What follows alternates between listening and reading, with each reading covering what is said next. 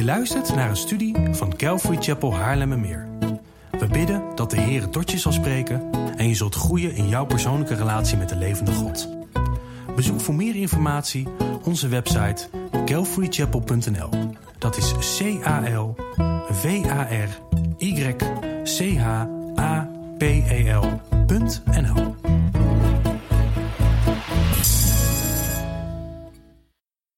Sla je Bijbel alsjeblieft open op het boek Filippenzen.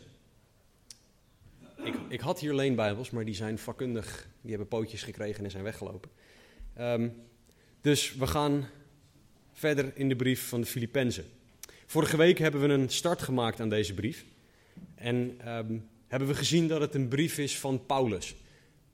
Hij heeft heel veel brieven in het Nieuwe Testament geschreven. Ehm, maar Paulus schreef deze brief terwijl hij gevangen zat in Rome. En um, hij schreef deze brief terwijl hij 24-7 aan een Pretoriaanse garde soldaat vastgeketend zat. Um, hij had dus wel vrijheid, maar hij zat ook zeker gevangen. En hij schrijft een brief aan de kerk in Filippi. En dat was 2000 jaar geleden. Maar we gaan vandaag zien dat die boodschap tot op de dag van vandaag relevant is voor ons. Anno 2019.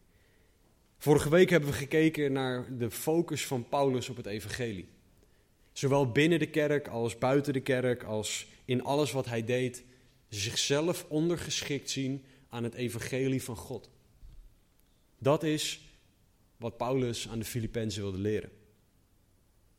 En met dat in het achterhoofd, het evangelie van God als, als hoofdfocus voor Paulus, gaat hij verder in hoofdstuk 2. En gaat hij ons uitleggen dat dat evangelie tot eenheid hoort te leiden in de kerk. En hij gaat ons het voorbeeld van Jezus Christus geven om te laten zien hoe dat, hoe dat tot uiting komt en hoe dat werkt.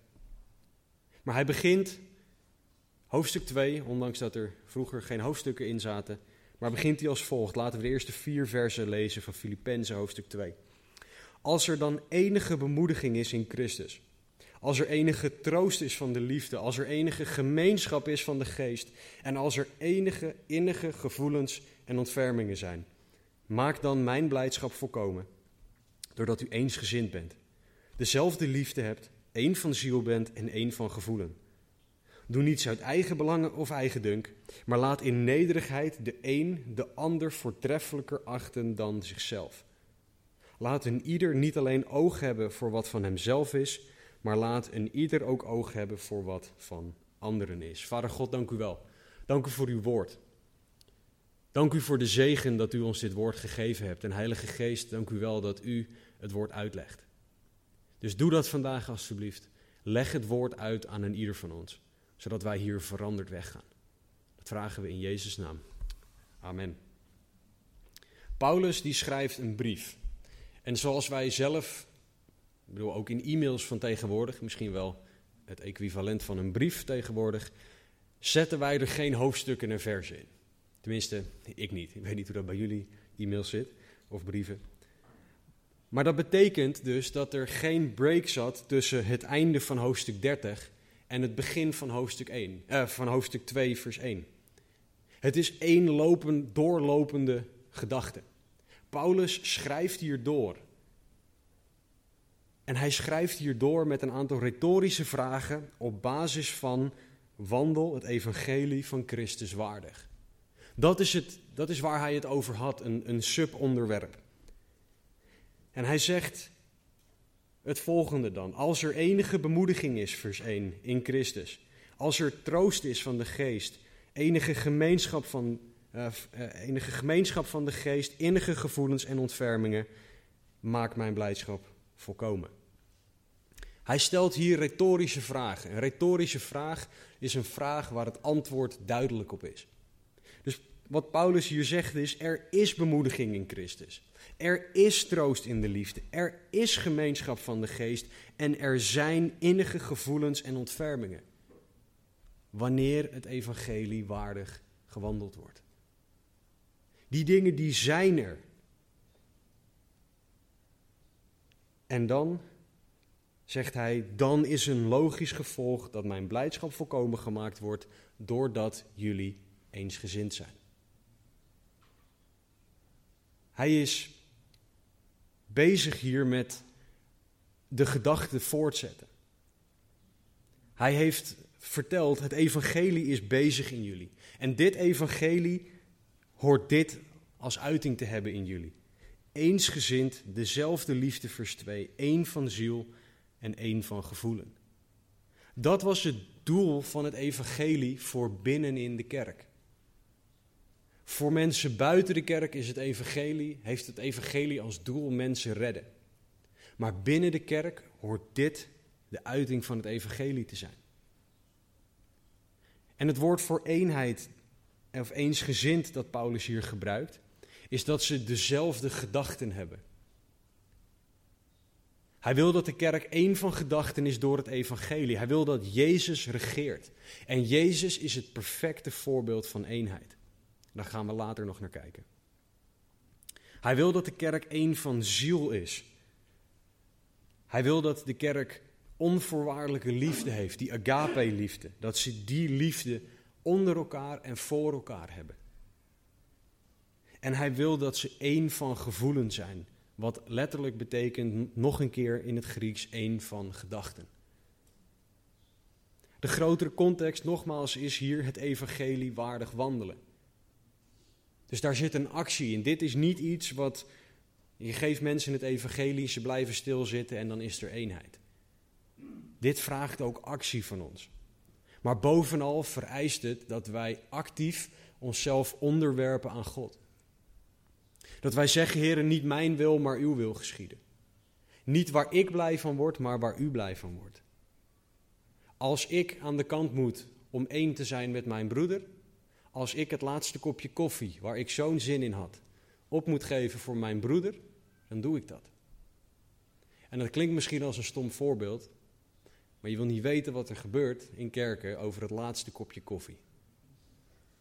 Hoeveel irritatie, hoeveel woede, hoeveel bitterheid er kan zijn omdat iemand mijn kopje koffie pakte. Dan is de houding van het evangelie, alsjeblieft, geef het maar jou. Want we zijn één van gedachten, één van liefde. Ik hou van jou, mijn broeder, mijn zuster, en daarom geef ik jou in dit geval het laatste kopje koffie. En vul voor dat kopje koffie maar iets anders in. Paulus maakt eenheid praktisch in vers 3 en 4. Hij zegt: Doe niets uit eigen belang of eigendunk, maar laat in nederigheid de een de ander voortreffelijker achten dan zichzelf. Laat een ieder niet alleen ogen hebben voor wat van hemzelf is, maar laat een ieder ook ogen hebben voor wat van anderen is. Geen eigen belang, maar nederig. Niet oog voor je eigen spullen, maar voor de spullen van een ander.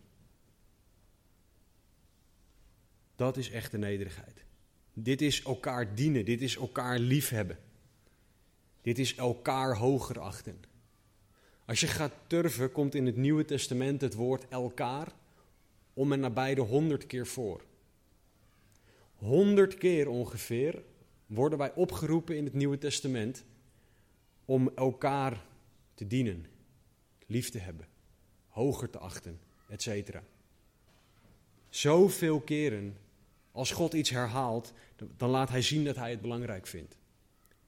En dat is precies wat God doet. En tegelijkertijd is God het perfecte voorbeeld van hoe dit er praktisch uitziet. Want God is drie in één. Ik ga nu geen tijd besteden aan, aan hoe dat er precies uitziet. Ehm, maar God is drie in één. En hij is drie gelijke personen.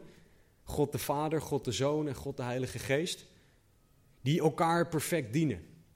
Die gekozen hebben voor een bepaalde hiërarchie waarbij God de Vader, God de Zoon en daarna God de Heilige Geest het is. Als je het even hiërarchisch mag, doen, mag noemen. Maar toch zijn ze gelijk en toch dienen ze elkaar. Ze hebben perfecte liefde en toch luisteren ze naar elkaar. Jezus zei: Ik doe niks tenzij ik het de Vader heb zien doen. En de Heilige Geest zegt: Ik wijs alleen naar Jezus. Dat is perfecte eenheid. Dat is het voorbeeld dat wij horen te hebben.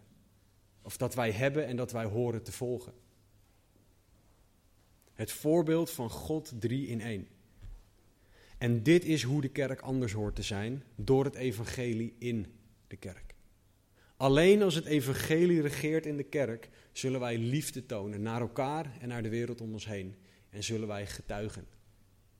Als wij elkaar aanvallen en elkaar bijten en verslinden, zoals er volgens mij in Galaten staat, dan is de kerk, wordt de kerk niet geregeerd door het evangelie, maar door ik. Me, myself en I. Die regeren er dan. En Paulus wil dat deze kerk in de Filippenzen, dat wij als kerk doorhebben. Dat Jezus moet regeren, dat het evangelie moet regeren in de kerk. En hij gaat vanaf vers 5 een fantastisch voorbeeld geven van hoe Jezus dit praktisch gemaakt heeft. Hij gaat ons laten zien hoe Jezus het voorbeeld is richting perfecte eenheid. Paulus begint in vers 5: Laat daarom die gezindheid in u zijn die ook in Christus Jezus was. Voor diegenen van jullie die de Bijbel willen leren bestuderen, als je een woordje als daarom ziet, dan moet je dat omcirkelen, want daarom hoort in een zin. Dat is, het volgt ergens op, dus dan moet je gaan vragen waarom staat dit hier? En dan moet je terug gaan lezen. Dus bij een woord als daarom, stop met lezen en ga terug, lees het nog een keer, want dan weet je, dit is waarom dit hier staat. Laat daarom voor die eenheid, voor die eensgezindheid, de gezindheid in u zijn die ook in Christus Jezus was. Wat Paulus hier gaat doen is twee dingen. Eén, hij gaat laten zien hoe Jezus een perfect voorbeeld is, maar ook twee, hij wil dat wij snappen hoe fantastisch groot het is wat Jezus voor ons gedaan heeft. En hij begint hier met dat wij Christus zijn manier van denken nodig hebben. Dat woord voor gezindheid heeft te maken met denken en houding. En het Grieks hier staat in de passieve vorm. En toch wordt het ons opgedragen. Dus wij krijgen een opdracht om iets te ondergaan. God moet ons denken veranderen, Romeinen 12:2. Zodat wij gaan denken zoals Jezus. Als ik naar mijn denken kijk en ik vergelijk dat met wat we gaan lezen in vers 5 tot en met 11, dan staat dat mijlen ver, kilometers ver af van wat Jezus zijn manier van denken was. Wat Jezus zijn manier van denken is. Laten we het stuk lezen, vers 5 tot en met 11. De gezindheid in, van Christus. Laat daarom die gezindheid in u zijn die ook in Christus Jezus was, die hoewel hij in de gestalte van God was, het niet als roof beschouwd heeft aan God gelijk te zijn, maar zichzelf ontledigd heeft door de gestalte van een slaaf aan te nemen en aan de mensen gelijk te worden. En in gedaante als een mens bevonden, heeft hij zichzelf vernederd en is gehoorzaam geworden tot de dood, ja, tot de kruisdood. Daarom heeft God hem ook bovenmate verhoogd en heeft hem een naam geschonken boven alle naam, opdat in de naam van Jezus zich zou buigen elke knie van hen die in de hemel en die op de aarde en die onder de aarde zijn. En elke tong zou beleiden dat Jezus Christus de Heer is, tot heerlijkheid van God de Vader. Dit is Jezus, zijn manier van denken, zijn manier van doen. In menselijke taal gaat Paulus nu proberen uit te leggen wie Jezus was en wat hij gedaan heeft voor ons. En hij begint dan in vers 6 dat hoewel Jezus in de gestalte van God was, het niet als roof beschouwd heeft aan God gelijk te zijn. En wat hij daar zegt is dat Jezus in het begin dezelfde vorm had als God. God is geest, zegt Johannes 4. En Jezus zag er ook zo uit, dus we konden hem niet zien. Maar dat is onhandig als hij naar de aarde komt en als hij wil sterven voor de mens. Want ja, als geest kan je niet sterven. Dus moest er iets gebeuren wat compleet idioot was. Hij werd een mens. Dit is niet normaal. In het Griek staat er hier dat Jezus niet ten koste van alles wilde vasthouden aan zijn goddelijke vorm. Maar als God werd hij aanbeden in de hemel. Alle lof en eer kwam hem toe. Iedereen boog voor hem. Als mens zou dat niet meer het geval zijn. In de hemel hoefde hij maar dat te doen. En alles wat hij wilde gebeurde. Als mens, kijk maar naar mij, er gebeurt niks als ik dit doe, behalve dat ik geluid maak. Jezus die moest gaan, wilde gaan, van de Allerhoogste God naar een nietig mens. Je kan het je zo voorstellen. Je ziet een mierhoop en je wil die mierhoop op een of andere manier redden. En jij hebt een manier gevonden om één met mieren te communiceren en twee om een mier te worden. Nou, dat is echt heel naar, want mieren, ik, zou er niet één willen zijn. Maar dat proces van een mens die heerst over de schepping, die de baas is over zo'n mierhoop, naar een mier toe gaan, is niet te vergelijken met hoeveel verder Jezus gegaan is. Want hij ging van schepper naar schepping. Hij ging van hoogste glorie naar veracht worden als een mens. Hij ging van alle macht hebben naar een babytje die niks kan. Dat is bizar dat hij dat voor ons wilde doen. Paulus wil dat wij leren begrijpen hoe ver Jezus ging. Dat hij van de hoogste glorie naar vers 7 een slaaf ging. Hij heeft zichzelf ontledigd door de gestalte van een slaaf aan te nemen en aan de mensen gelijk te worden. Hij werd gelijk aan ons, in de plaats van dat hij aan, in vorm gelijk bleef aan God. Hij was eerst niet gebonden aan tijd en materie, en nu wel. Hij kon maar op één plek tegelijk zijn.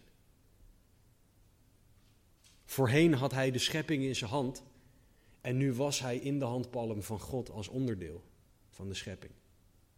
Wat een bizar verschil moet dat voor hem geweest zijn. En voor de duidelijkheid, Jezus was volledig God en volledig mens. Op een of andere manier, en ik begrijp niet hoe, werd Jezus niet minder God maar hij kreeg de menselijkheid toegevoegd aan zijn natuur. Er zijn mensen die dit willen gebruiken om te zeggen dat Jezus niet echt God was. Of dat hij zijn goddelijkheid tijdelijk gekregen of tijdelijk afgelegd had. In de zin van dat hij toen hij leefde op aarde geen God meer was.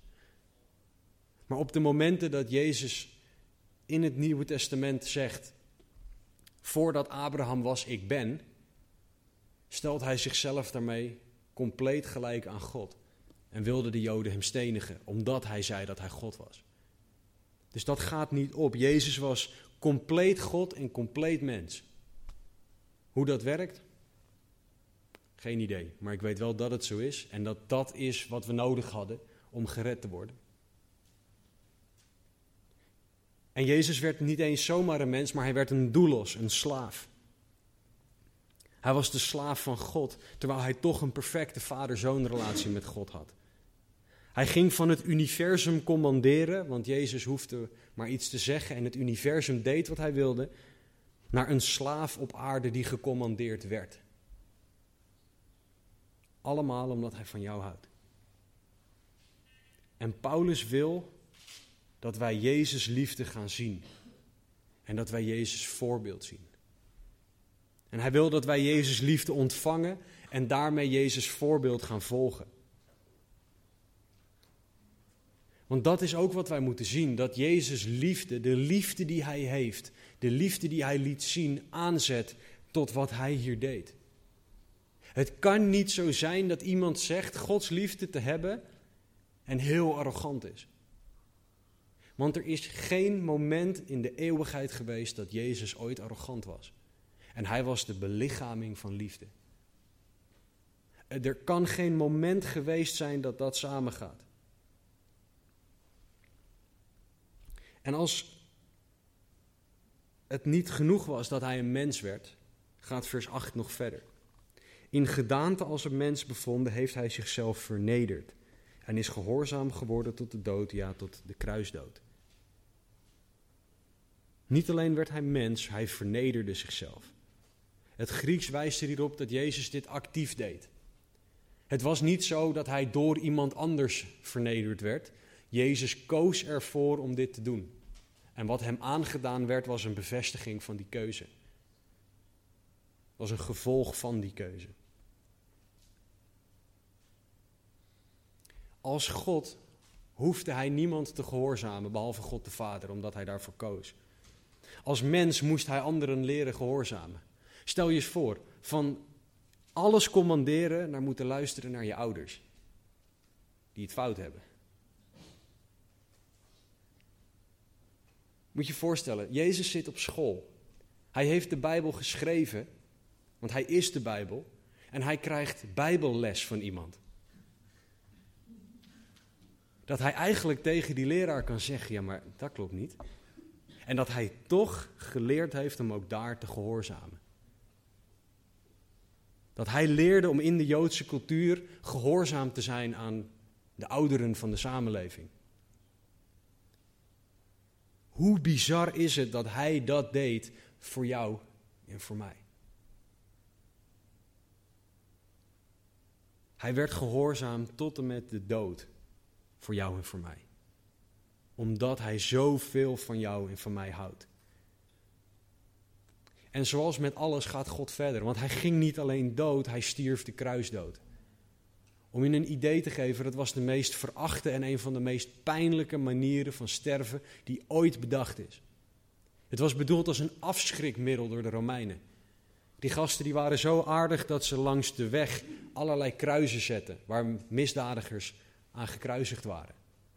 Om iedereen af te schrikken van misdadiger worden en in opstand komen tegen het Romeinse Rijk. En die dood stierf Jezus voor jou en voor mij. Het was veracht, het was pijnlijk, het was vernederend. En hij koos die weg, omdat hij van jou en van mij houdt. Dit onderging Jezus door zijn eigen schepselen. Dit is de slaaf die eigenlijk meester was. Dit is hoe ver Jezus is gegaan. Dit is de gezindheid van Christus die in jou en in mij hoort te heersen. Dit is wat Paulus wilde dat de kerk in Filippi leerde als voorwaarde voor het evangelieleven dat tot eenheid leidt. Zo moeten wij leven. Dit is de gezindheid van Christus. De gedachtegang, de houding van Christus. Uit liefde voor ons deed hij dit. En uit liefdevolle gehoorzaamheid aan God de Vader deed Jezus dit. En de Vader had een reactie in vers 9. Daarom, op basis van wat er hiervoor staat, heeft God hem ook bovenmate verhoogd en heeft hem een naam geschonken boven alle naam. We hebben het ook gezongen. What a wonderful name. Of gaan we die nog zingen? Die gaan we nog zingen. Laat maar. Sorry. Beetje veel informatie vanochtend in mijn hoofd. Maar het Griekse woord voor bovenmate verhogen is hyper, hyperipso of zo. Het komt erop neer dat het, het woord een combinatie is van het woord hyper, bovenmate, en verhogen, hypso. Hyperhypso. Iemand boven al het andere verhogen is het idee. En dat is wat God de Vader deed met God de Zoon. Hij verhoogde Jezus boven alles wat er maar mogelijk was. En er is maar één plek waar dat is, namelijk compleet gelijk aan God de Vader. Dat is wat Jezus als beloning ontving voor wat hij deed. En hij ontving een naam die hoger en beter was dan elke andere naam. Waarom is dat belangrijk? Nou, in de Bijbel, in de Bijbelse tijd, zei een naam iets over jou als persoon.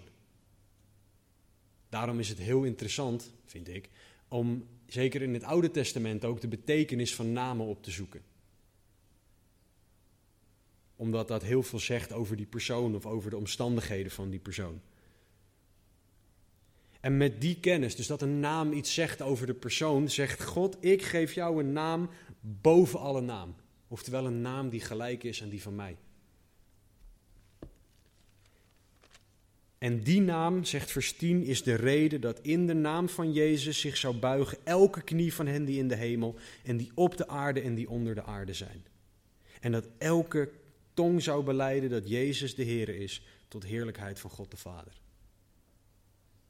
Jezus deed dit allemaal. Hij onderging dit allemaal, koos hiervoor, zodat uiteindelijk God verhoogd zou worden. Hij koos hiervoor zodat uiteindelijk wij zouden kunnen leven naar het evangelie dat eenheid brengt in de kerk. Dit is Jezus' leven, dit is Jezus' voorbeeld, dit is Jezus' gezindheid, dit zijn Jezus' daden en dat is de reden voor de naam die hij heeft. Ik weet niet of het je opvalt, maar er staat dat elke knie zich zal buigen en dat elke tong zal beleiden. Er staat niet dat elke knie en tong vrijwillig dit zullen doen. Er staat dat het gaat gebeuren, maar een deel van de mensen, de mensen die niet kiezen voor Jezus, die niet dit offer aannemen, die zullen buigen en die zullen beleiden, maar die zullen dat niet vrijwillig doen. Het gaat gebeuren dat iedereen Jezus aanbidt, omdat hij die aanbidding waard is. Maar alleen als jij Jezus en zijn offer aangenomen hebt voor wat het is, namelijk verzoening voor jouw zonde, zal jij vol liefde en blijdschap je knie buigen en beleiden dat Jezus God is. Bijbelcommentator Barnes heeft over dit stuk gezegd: Het punt hier is dat Jezus de status van onuitsprekelijke glorie verliet en de nederigste vorm van mens zijn op zich nam, zodat hij ons kon dienen. Dat is waarom hij alle aanbidding waard is. Warren Wiersbe vat het zo samen. Anderen is het sleutelwoord in het woordenboek van de christen die deze nederige denkwijze wil hebben.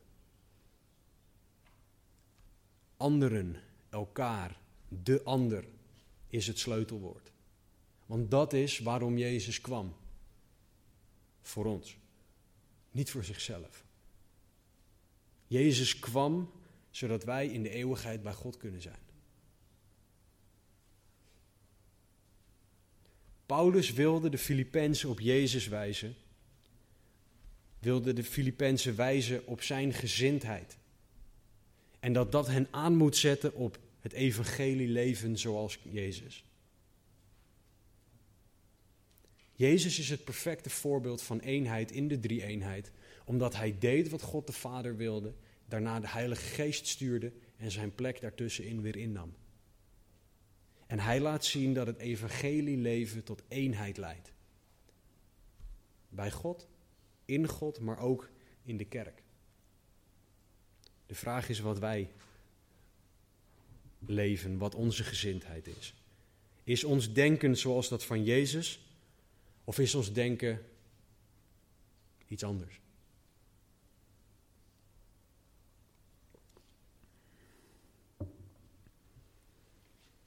Paulus gaat verder.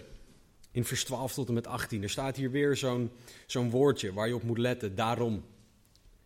Nadat hij dit gezegd heeft, na de gezindheid van Christus, na de lof en aanbidding die Jezus waard is, daarom, omdat Jezus dit gedaan heeft, omdat Jezus dit waard is, mijn geliefden, zoals u altijd gehoorzaam geweest bent, niet alleen zoals in mijn aanwezigheid, maar ook in mijn afwezigheid, Werk aan uw eigen zaligheid met vrees en beven, want het is God die in u werkt, zowel het willen als het werken, naar zijn welbehagen. Hoe kunnen wij zo leven, is waarschijnlijk de vraag die Paulus wel in zijn gedachten had. Want Jezus was God en wij niet. Nou, Paulus' antwoord is: werk aan je zaligheid is niet een heel duidelijk antwoord. Dus vandaar dat hij doorgaat met God doet het willen en het werken in ons. Paulus is er blij mee dat deze kerk doet wanneer hetzelfde doet als wanneer Paulus er niet is als dat hij er wel is. Ze zijn niet zondagschristenen. Dit zijn maandag tot en met zondag christenen. En wat Paulus hier niet zegt, is werk aan uw eigen zaligheid. Is als je maar hard genoeg werkt, maar, maar goede dingen doet, dan verdien jij je redding. Dat is niet wat Paulus hier zegt. Paulus zegt dat onze redding tot uiting hoort te komen in het dagelijks leven. Dat onze daden horen te zijn zoals de daden van Jezus. Hij zegt dat de buitenkant onze daden moeten laten zien wat er van binnen is, namelijk ons hart en onze gedachten, onze gezindheid. En hij zegt dat we dit moeten doen met vrees en beven. Dat is niet uit doodsangst voor God, ondanks dat God wel dat kan doen en dat wij niet meer bestaan. Maar dit is heilig ontzag, weten wie God is. Dit is de vrezen des Heren, zoals de Bijbel dat zo mooi kan noemen. Maar hoe werkt dit nou? Nou, vers 13, het is God die in u werkt, zowel het willen als het werken, naar zijn welbehagen. Zonder God kunnen wij niet willen wat Hij wil. God wil namelijk perfectie, ik wil altijd iets minder. God wilde dat Paulus ging getuigen in Rome. Paulus vond dat op zich best oké, maar de weg ernaartoe was wat minder. Maar God vond dat dat de perfecte weg was. Zijn wij bereid om te zeggen: Heer, u moet het willen en u moet het werken in mij doen? God vraagt namelijk het onmogelijke. Zijn zoals Jezus. Maar wat dit voor ons betekent is dat wij zeggen: Heer, ik kan dit niet. U moet het in mij doen. U moet mijn gedachten veranderen. U moet mijn daden veranderen. Want ik kan het niet. Dit is niet passiviteit, maar dit is actief je overgeven aan God. Dit is niet achterover liggen, voetjes omhoog en zeggen: Nou, zoek het maar uit, Heer, u, uh, u regelt het maar. Nee, dit is actief God zoeken, actief de Bijbel lezen, actief bidden, actief zoeken naar wat verwacht u van mij. En het dan ook gaan doen wanneer God het duidelijk maakt, maar in afhankelijkheid van Hem. Want God vraagt het onmogelijke. Zonder God en zonder Zijn werk in ons zullen wij nooit willen en werken zoals Jezus. Want Galaten 5:17 leert dat het vlees iets anders wil dan de geest. God moet ons van binnen veranderen. En als wij dit gaan doen, actief aan God vragen: Heer, doet u het in mij? Dan zullen wij het evangelie waardig gaan leven. Zal er eenheid in de kerk zijn, die desnoods ten koste kan gaan van onszelf, wat heel erg tegen deze wereld ingaat. En zullen we Jezus voorbeeld volgen. Hoe ziet dat heilig leven naar Jezus wil met die eenheid door het evangelie eruit? Vers 14 tot en met 16. Doe alle dingen zonder morren en meningsverschillen. Dat is leuk in Nederland, waar iedereen een mening heeft en vindt dat die verkondigd mag worden. Opdat u onberispelijk en oprecht bent, of zult zijn, kinderen van God, smetteloos te midden van een verkeerd en ontaard geslacht, waaronder u schijnt als lichten in de wereld. Door vast te houden aan het woord van het leven, mij tot roem met het oog op de dag van Christus, dat ik niet te vergeefs heb hardgelopen en mij ook niet te vergeefs heb ingespannen.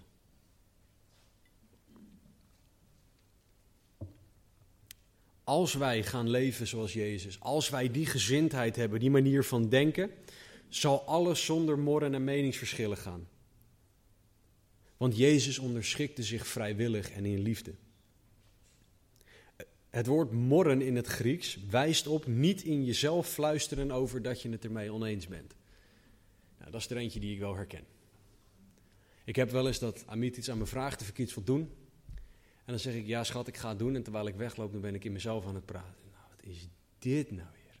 Hier had ik nou echt juist nu geen zin in. Nou, zonder morren is dus dat je dat niet doet.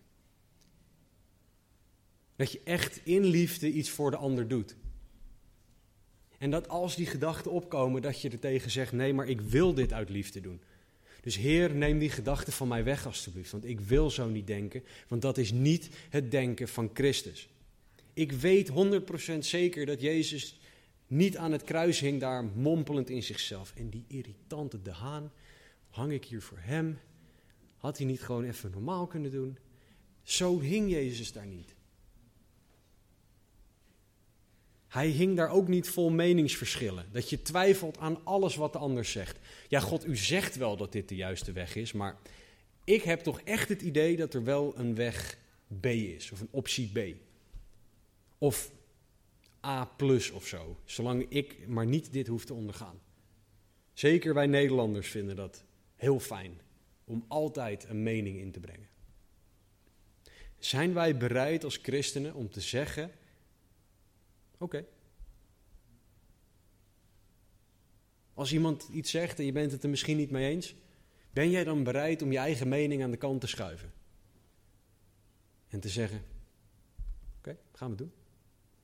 En om dan niet, als het niet gaat zoals die persoon verwacht, om dan te zeggen: Ja, wacht even. Hé, hey, maar ik had een veel beter idee. Regeert Gods liefde, regeert de gezindheid van Christus, of regeert, ja, maar ik moet en ik zal mijn mening geven. Weet je welke dingen daar trouwens echt funest voor zijn, voor eenheid in de kerk? Social media. Ik, ik wil niet hier zeggen dat social media de duivel zijn en dat alles verschrikkelijk is. Ik zeg wel dat social media heel erg verkeerd gebruikt kunnen worden. Want wat heel makkelijk is namelijk, is om een tweetje de lucht in te sturen. Ik heb geen Twitter, dus ik weet niet hoe makkelijk het is, maar het lijkt me heel makkelijk. Om iets op Facebook te zetten over die ene persoon die iets naars gedaan heeft. Of wat ook heel schijnheilig is, is een gebedsverzoek op Facebook zetten, waarbij je eigenlijk roddelt over de ander. Dat is ook morren en meningsverschillen hebben onderling, die niet horen. Dus is ons social media gebruik zoals Jezus dat zou doen? Wat zou Jezus tweeten en wat tweet jij?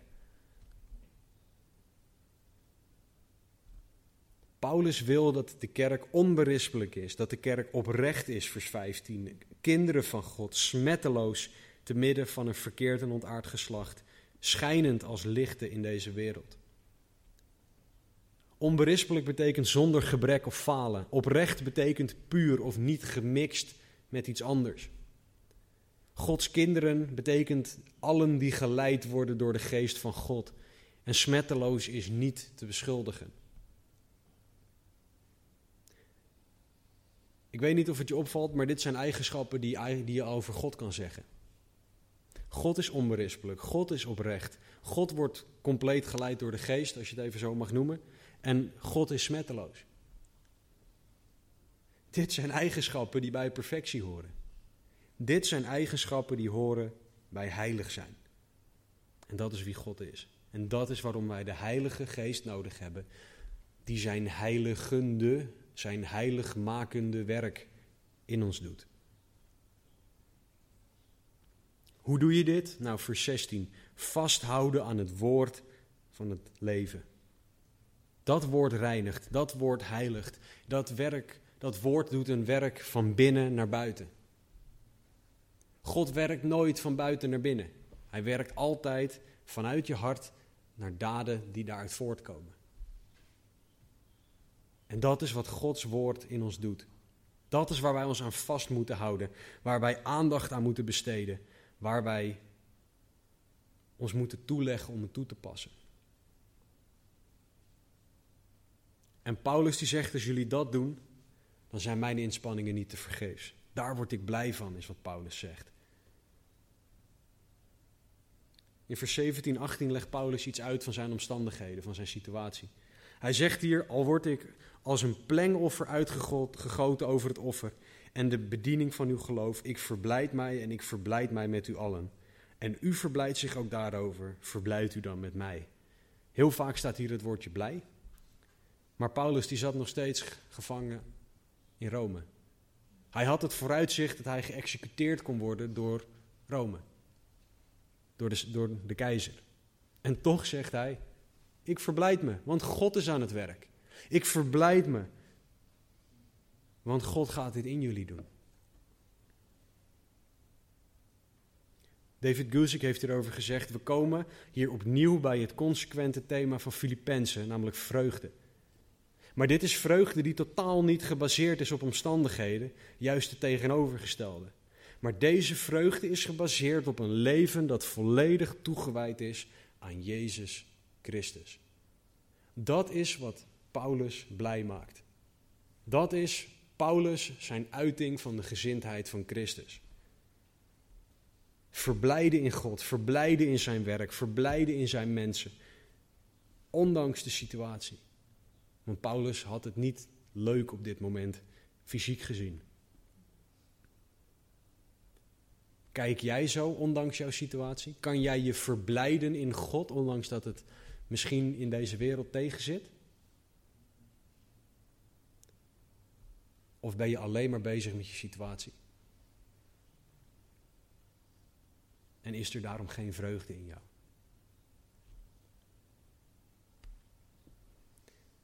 In het laatste stuk, vers 19 tot en met 30, gaat Paulus voorbeelden geven van eenheid in het evangelie.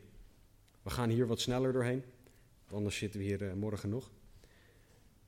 Maar Paulus gaat het voorbeeld geven van Timotheus en Epaphroditus. Twee mannen die, hem heel, die hij heel erg lief had. Mannen die hem dienden, die samen met hem Jezus dienden. En deze mannen waren bekend, bij, door de, waren bekenden van de kerk van Filippi. In vers 19 tot en met 24 zegt Paulus het volgende. En ik hoop in de Heere Jezus Timotheus spoedig naar u toe te sturen, opdat ook ik goedsmoeds mag zijn als ik van uw zaken weet. Want ik heb niemand van gelijke gezindheid die oprecht voor uw zaken zorg zal dragen. Want zij zoeken allen hun eigen belang en niet die van Christus. En u kent zijn beproefdheid, die van Timotheus, dat hij met mij gediend heeft in het evangelie, zoals een kind met zijn vader. Hem hoop ik dus ogenblikkelijk te sturen, zodra ik mijn zaken kan overzien, maar ik vertrouw in de Heer dat ik ook zelf spoedig zal komen. Paulus wilde Timotheus sturen om te horen hoe het met deze kerk ging. Even, even terug, hè. Paulus zit gevangen in Rome aan een stinkende Romeinse soldaat, 24-7, en hij wil weten, maar hoe gaat het met jullie? Dat is, dat is de houding van Christus. Maakt niet uit dat ik vastgeketend zit aan die kerel. Ik zwam hem toch wel de hele dag plat over Jezus. Hoe gaat het met jullie? Dat is Paulus' houding. Timotheus was hem dierbaar. Iemand van gelijke gezindheid, vers 20. Wat letterlijk betekent iemand van gelijke ziel. Die twee die hadden een, een vader-zoon relatie, die is echt niet normaal. En Paulus die zegt hier niet, weet dit over Timotheus, ik hou hem lekker voor mezelf. Nee, hij zegt, ik stuur hem naar jullie. En ik wil hem zo snel mogelijk sturen ook, want ik wil weten hoe het met jullie gaat. Timotheus zocht Jezus en niet zijn eigen belang, vers 21. Hij was beproefd met Paulus in het evangelie dienen, vers, 23, eh, vers 22. En hij was de beste persoon die Paulus kon sturen, vers 23. Ik vertrouw de Heer, zegt Paulus, dat ik ook zelf spoedig zal komen. Wat Paulus hier doet, terwijl hij vastzit aan een Romeinse soldaat, is zeggen: het beste van wat ik op het moment heb, geef ik aan iemand anders. Dat is namelijk Timotheus. En ik wil dat, dat jullie gediend worden door hem. Dat God jullie dient door hem, zoals ik gediend word. Door God in hem. Dat is nog eens de ander liefhebben boven jezelf. Paulus die hield veel van deze kerk en stuurde de beste man die hij had. Hij koos eenheid met hen boven Timotheus voor zichzelf houden. De gezindheid van Christus aan het werk. En alsof dat nog niet genoeg was, gaat hij verder in vers 25 tot en met 30. Ik heb het echter nodig geacht Epaphroditus naar u toe te sturen. Die was dus al onderweg of al aanwezig. Mijn broeder, medearbeider en medestrijder en uw gezant en dienaar in wat ik nodig had omdat hij vurig naar u allen verlangde en in grote angst verkeerde, omdat u gehoord had dat hij ziek was. Hij is inderdaad ook ziek geweest tot dicht bij de dood, maar God heeft zich over hem ontfermd. En niet alleen over hem, maar ook over mij. Opdat ik niet droefheid op droefheid zou hebben. Daarom heb ik hem des te sneller gestuurd, opdat u zich weer kunt verblijden als u hem ziet en ik minder droevig ben. Ontvang hem dan in de Heer met alle blijdschap en houd zulke mensen in ere. Want om het werk van Christus was hij tot dicht bij de dood gekomen. Doordat hij zijn leven had, aan, had gewaagd om aan te vullen wat aan uw dienstbetoon jegens mij nog ontbrak. Epaphroditus was gestuurd door die kerk. Die wilde dus al iemand sturen naar Paulus. Ze gaven een van hun beste mensen uit de kerk om Paulus te dienen. En Paulus stuurt hem nu terug. Deze man was Paulus dierbaar. En de relatie tussen deze man en de kerk was wederzijds. Er was wederzijdse liefde. Maar in de bediening van God was hij ziek geworden. Laat dus niemand je vertellen dat je als christen nooit ziek kan worden. Dan mag je naar Epaphroditus wijzen. Die man werd ziek terwijl hij God diende. Het kan dus echt. En de kerk was bezorgd om Epaphroditus, want ze hadden hem vanuit hun midden gestuurd. En om hen gerust te stellen, zegt Paulus: Hier heb je een brief met een ondertekende handtekening van Epaphroditus dat het goed met hem gaat. Nee, hij stuurt Epaphroditus zelf. Hij stuurt Epaphroditus om te lopen naar, of naar Filippi en te zeggen: Het gaat goed met mij, God is goed. En dat vond hij belangrijker dan zijn eigen comfort. Paulus wilde ook dat de kerk hem goed zou ontvangen. Met blijdschap en eer. Deze man had God gediend, was doodziek geworden in de dienst van God. Om het werk van Christus. Deze man was dus bereid om door te gaan terwijl het misschien slecht voor hemzelf was. Epaphroditus. Hij zei niet, ja, maar ik moet wel aan mezelf denken. Hij zei niet, ja, maar ik moet wel zorgen dat ik mijn eigen, dat, dat ik mezelf goed bescherm. Nee, hij ging ervan uit, God beschermt mij. God denkt aan mij en dat is genoeg. Deze mannen laten de band van eenheid zien die het evangelie brengt in de kerk. Deze mannen verlangen naar eenheid boven eigenbelang. Alle drie. Deze mannen laten zien wat het betekent om het evangelie te dienen ten koste van alles. Om je een beeld te geven hoe dat bij Timotheus werkt. De beste man was volgens mij ergens tussen de 20 en de 30. Toen hij, om niet een struikelblok voor de Joden te zijn, bedacht: dan moet ik besneden worden. Dus de beste man was al, nou, laten we zeggen, mijn leeftijd. In een niet-hygiënisch, niet-hygiënische situatie, met een niet-hygiënisch mes. In een, nou ja, ik kan me niet voorstellen hoe dat geweest is. Het zal, niet heel, het zal gewoon heel pijnlijk geweest zijn. En toch deed hij dat, precies dat Romeo. toch deed hij dat omdat hij van die kerk hield. Van die mensen hield en bovenal van God hield. Alleen door de gezindheid van Christus. Alleen door de houding en het denken van Jezus kan je dit doen. Kan je alles opgeven voor Gods werk. Mijn vraag is wat jouw houding is, wat jouw gezindheid is. Is voor jou het evangelie belangrijk? Is voor jou de gezindheid van Christus hoe jij wilt denken en doen? Of vind je iets anders belangrijk? Vind je iets anders belangrijker dan Jezus, dan het evangelie, dan eenheid? Jezus liet ons zien hoe wij horen te leven, van schepper naar schepping, alles opgevend voor God. Wat is jouw houding? Wat is mijn houding? Ken jij deze Jezus überhaupt? Weet jij hoe groot die liefde voor jou is? Heb je die liefde ervaren? Want Jezus houdt van jou, veel meer dan dat je doorhebt. Want Hij deed al deze dingen voor jou.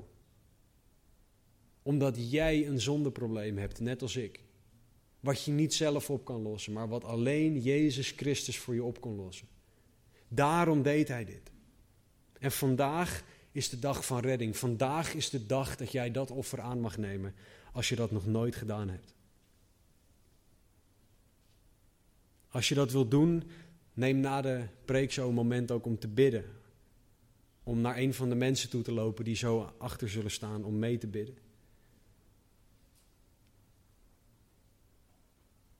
Maar wat is jouw focus als jij dit al wel weet? Als jij Jezus al wel kent? Is jouw focus eenheid door en voor het evangelie? Of is het eigen belang? Ik wil dat laatste kopje koffie hebben. Als jij mensen of dingen dichterbij houdt dan God, dan is het een afgod. Bijbelcommentator Tim Keller heeft het volgende gezegd. Wat is een afgod? Alles dat voor jou belangrijker is dan God. Alles dat je hart en je gedachten meer in beslag neemt dan God. Alles waarvan jij wil dat het jou geeft, wat alleen God je kan geven. Dat is een afgod. Wat zijn de afgoden in jouw leven? Wat moet jij afleggen om dezelfde focus als Jezus te hebben? Vraag dat aan God en leg die afgoden bij Hem neer. Want Hij wil dat we leven zoals Christus, voor en door het evangelie. Met de eenheid die dat teweeg brengt. Met het heilig leven dat daardoor komt. Allemaal op basis van wat Jezus voor jou gedaan heeft. Omdat Hij van je houdt. Laten we bidden. Heere God, dank u. Dank u voor uw woord. Dank u voor uw liefde. Dank u wel, Heere Jezus, voor het offer aan het kruis. Dank u wel dat u goed bent, dat u liefde bent, genadig bent. Heer, doe een wonder vandaag. Heer, breng mensen tot geloof. Heer, u weet wie hier zit, wie u nog niet kent. Maar laat hen zien hoe groot de liefde is die u hebt laten zien door Jezus heen. Laat hen zien hoe ver u voor hen gegaan bent, omdat u van hen houdt. Heren, iedereen die een focus heeft die niet op u is, die afgegleden is in focus door omstandigheden. Heren, trek hen opnieuw naar u toe en geef hen hernieuwd de gezindheid van Christus. Doet u het willen en het werken in ons. Heer, u bent God en u bent goed. Er zullen zo een aantal mensen aan de randen en achterkant van de zaal gaan staan. Wil vragen of, uh, of Sander, Roos, Martine en Eveline daar willen gaan staan. Maar ga naar een van deze mensen toe als jij gebed wil. We hebben allemaal gebed nodig. Maar ga naar een van hen toe als jij gebed wil hebben. Als jij wil dat er voor het eerst met je gebeden wordt, omdat je Jezus nog nooit eerder aangenomen hebt. Omdat je nog nooit gezien hebt hoeveel Jezus voor jou gedaan heeft. Ga naar een van hen toe en bid met hen. Als er iets anders is waarvoor jij wil bidden, ga naar hen toe. Maar maak de keuze om op te staan, naar de achter- of de zijkant te lopen en met een van deze mensen te bidden.